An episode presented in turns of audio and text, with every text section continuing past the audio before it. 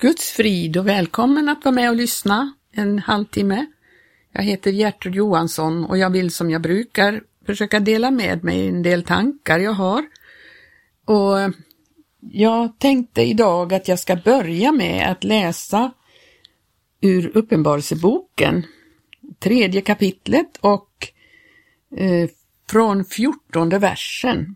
Det står så här. Och skriv till Laodiceas församlingsängel. Så säger han som är Amen, det trovärdiga och sannfärdiga vittnet, begynnelsen till Guds skapelse. Jag känner dina gärningar. Du är varken kall eller varm. Jag skulle önska att du vore antingen kall eller varm. Men nu, då du är ljum och varken varm eller kall, ska jag utspy dig ur min mun.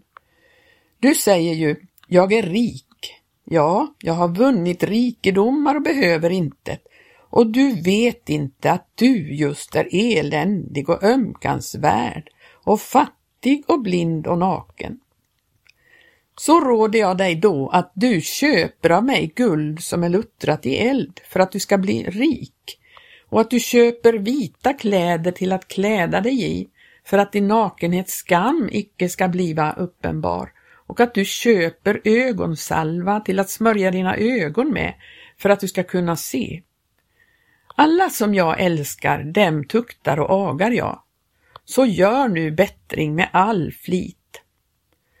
Se, jag står för dörren och klappar. Om någon lyssnar till min röst och upplåter dörren så ska jag gå in till honom och hålla måltid med honom och han med mig.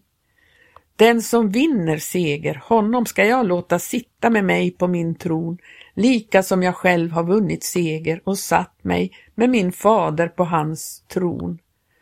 Den som har öra, han höre vad anden säger till församlingarna.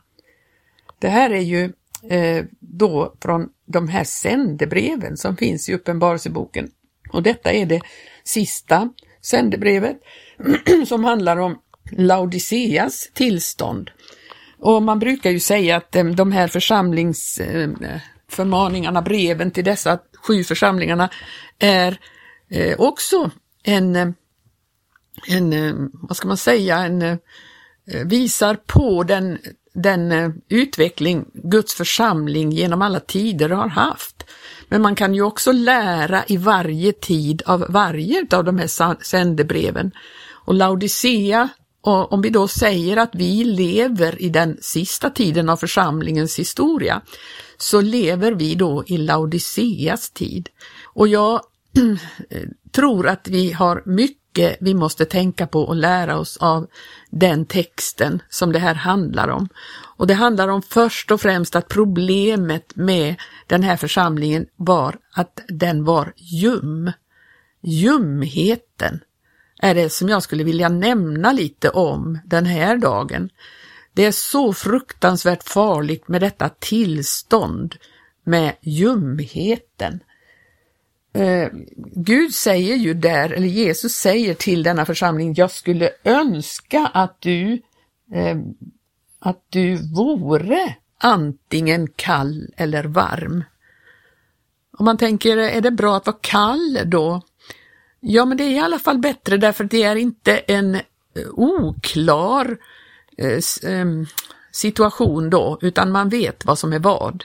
Ljumheten, det är samma med skymning när det är liksom varken ljust eller mörkt när det är varken varmt eller kallt, när det är, ja, då blir det oklara gränser och det blir otydligt vad som är vad. Ljumheten är ett väldigt farligt tillstånd. Jesus säger att han önskar att de vore antingen varm eller kall, att det är klart hur det är. Att antingen är man eh, varm, då är man brinnande, då är det klart, då lyser ljuset, då är det tydligt vad som är vad. Är man kall så är det också tydligt. Men eh, naturligtvis borde alla vara brinnande och varma istället.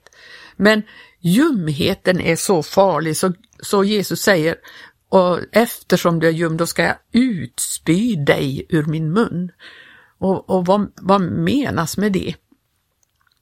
Han, han upplever att det är så vämjeligt med den här ljumheten.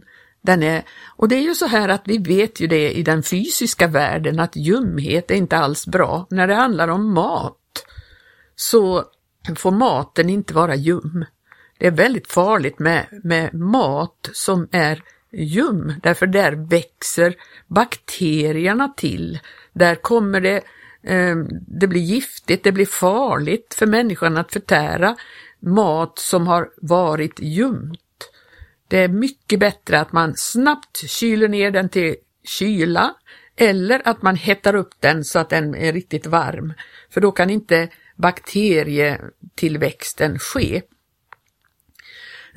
Och det är nog det som hänsyftas här på, på detta, att han ska utspy detta ur sin mun, därför det är så farligt att ha. Det är, eh, det är eh, för människorna en väldigt farlig situation när församlingen har blivit ljum. Jag har tittat på de här eh, sändebreven från början där. Vi kan läsa från andra kapitlets första ja, första verser där så handlar det om Efesus församling. Och det första avsteget som har hänt i församlingens historia, det är att kärleken har kallnat.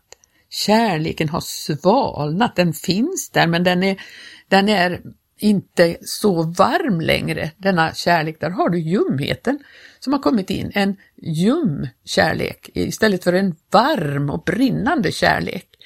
En, den första kärleken har gått förlorad. Och det är det första som gör att det blir en dålig utveckling.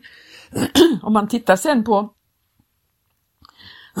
vad som var problemet i Pergamus församling, tolfte versen i andra kapitlet, så står det att han, eh, eh, han de har mycket berömmelse och så vidare, men så står det, jag har något litet emot dig. Och vad är det han har emot? Jo, det är ju faktiskt detta att det finns några som har en läror där. Du har hos dig några som håller fast vid Balams lära. Och så har du också några som på lika sätt håller sig till nikolaiternas lära. De tillät läror att florera ibland dem som, som inte var bra.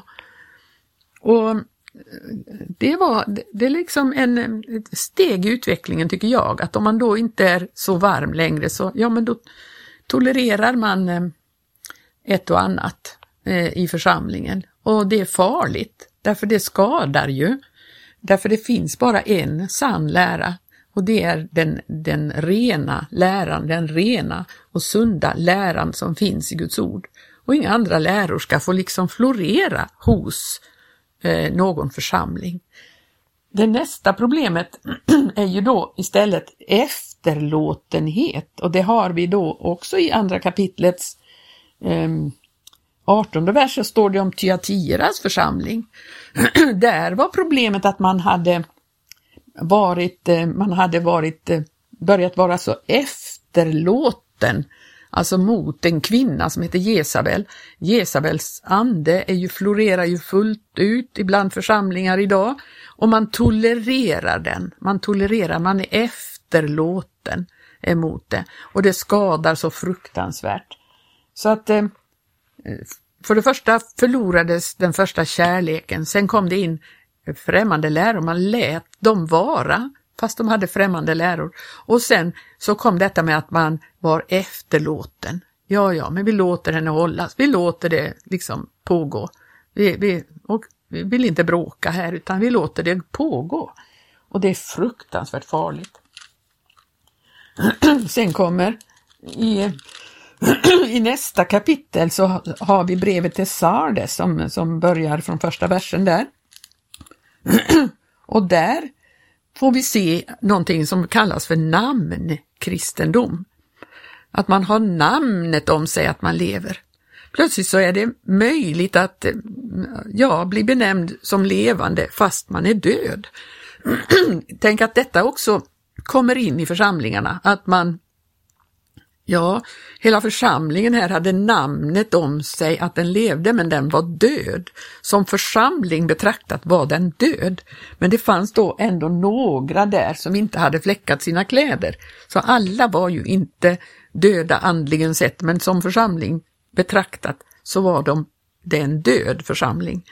Och det är ju fruktansvärt och vi vet också att det finns väldigt mycket namnkristendom. Det finns hela församlingar som är, har namnet om sig att de lever men är döda.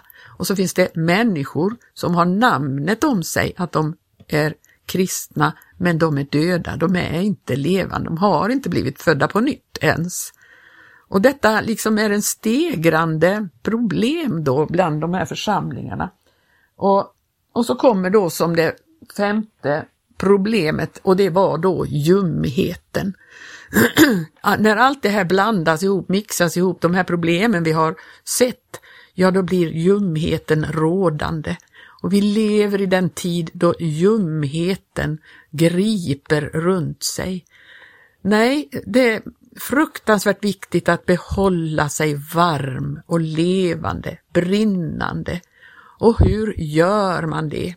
Jo, man måste ju alltid vara aktiv. Vi vet ju att om man blir stilla så, så eh, ja, då händer ingenting. Det är aktivitet gör ju att man håller sig varm, det vet ju alla. Om det är kallt omkring en så måste man vara aktiv, man måste röra på sig, det måste ske saker och att vara i rörelse håller oss levande och brinnande. Men i ljumhetens tillstånd då blir det inte så väldigt angeläget att vara aktiv. Det heter ju att man är kristen men man är inte så aktiv. Man, man eh, är ganska passiv i sin kristendom. Det finns hur många passiva, stillasittande kristna som helst. Det finns det i våra dagar och det skapar ljumhet. Det blir inte så angeläget med det hela. Ljumheten gör ju att man kan syssla med saker och ting som är eh, utanför Guds rike, världslighet och främmande ting kan man syssla med och så är man också då lite grann med och på möten och, och, och sådär och anser sig vara en, eh, ja, en, en god kristen. Ja, men man är ljum. Man är ljum, för den där ivern finns inte. I ljumhetens tillstånd då är det ganska trögt att prisa Gud. Är man brinnande, ja men då är man angelägen om att höja sin röst att prisa och lova och tacka Gud. Men är det, är det ljumt, ja då känns det inte så väldigt levande att göra det. Att prisa Gud, det hör man i mötena, hur tyst det är. Och man ser också och märker vilka som aldrig höjer sin röst till att tacka Gud i församlingen. Och jag tänker att där måste var och en, eh, vad, ska man, vad ska man säga, man måste öva sig i detta. Man måste öva sig att våga höja rösten och tacka Gud. För gör man det så kommer Guds ande till. Och man Eh, Eh, för det står ju där, låt din mun eh, vitt upp så ska jag upp, eh, uppfylla den, står det på ett ställe. Och, och det är ju så här, öppnar man sin mun och börjar lova och prisa Gud, ja men då, då blir det, eh, då kommer Guds ande till och man får prisa Gud i andens smörjelse och kraft. Och så kommer tungotalet och man blir glad, man blir fröjdas därför att man släpper ut det här som finns där i hjärtat. Och det, håller, det gör att man håller sig varm. Vi måste hålla oss vakande, vi måste hålla oss brinnande och levande. Ja, men det verkar så ansträngande, säger du kanske, och tycker att eh, det är väl ingenting man kan göra så mycket åt själv. Jo, det finns det verkligen. Man kan aktivera sig. Man kan sätta sin, eh, sin eh, kropp i aktiv rörelse mot någonting. Eh, ja, och vad då då? Jo, är det någonting som ska göras, så var villig, ha beredvillighetens skor på dina fötter, var med och hjälp till. Var med och arbeta, var med och, och gör allt vad du kan göra när det gäller att tjäna Gud och tjäna dina medsyskon. det gör att du håller dig varm. Och ja, det finns många sätt man kan göra för att hålla sig varm. Det står ju massor av ehm, ehm, uppmaningar i Guds ord till människor som är är eh, kristna. Det står Romarbrevet till exempel, Romarbrevets eh, tolfte kapitel. Så står det som här, er kärlek, det här med första kärleken, er kärlek vare utan skrymtan. Det går inte att låtsas någon kärlek till Gud. Man kan inte eh, visa upp en kärlek som verkligen är sann utan att eh, det märks det är skrymtaktigt. Nej, er kärlek vare utan skrymtan.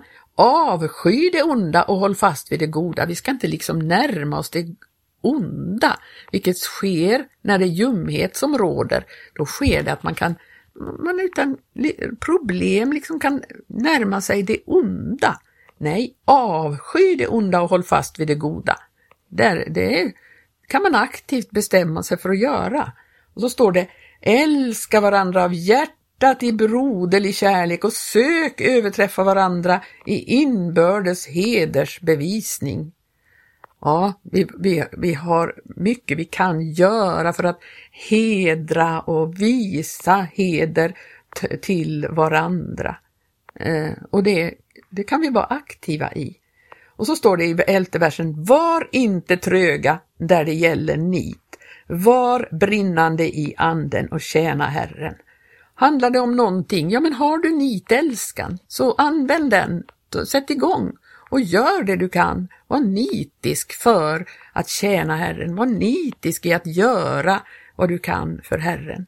Och, och eh, var brinnande i anden. Det här handlar det ju om detta igen, hålla sig brinnande. Och det gör man genom att prisa och tacka Herren och och eh, nitiskt ta vara på allt vad man kan få utav genom Guds ande, genom ordet.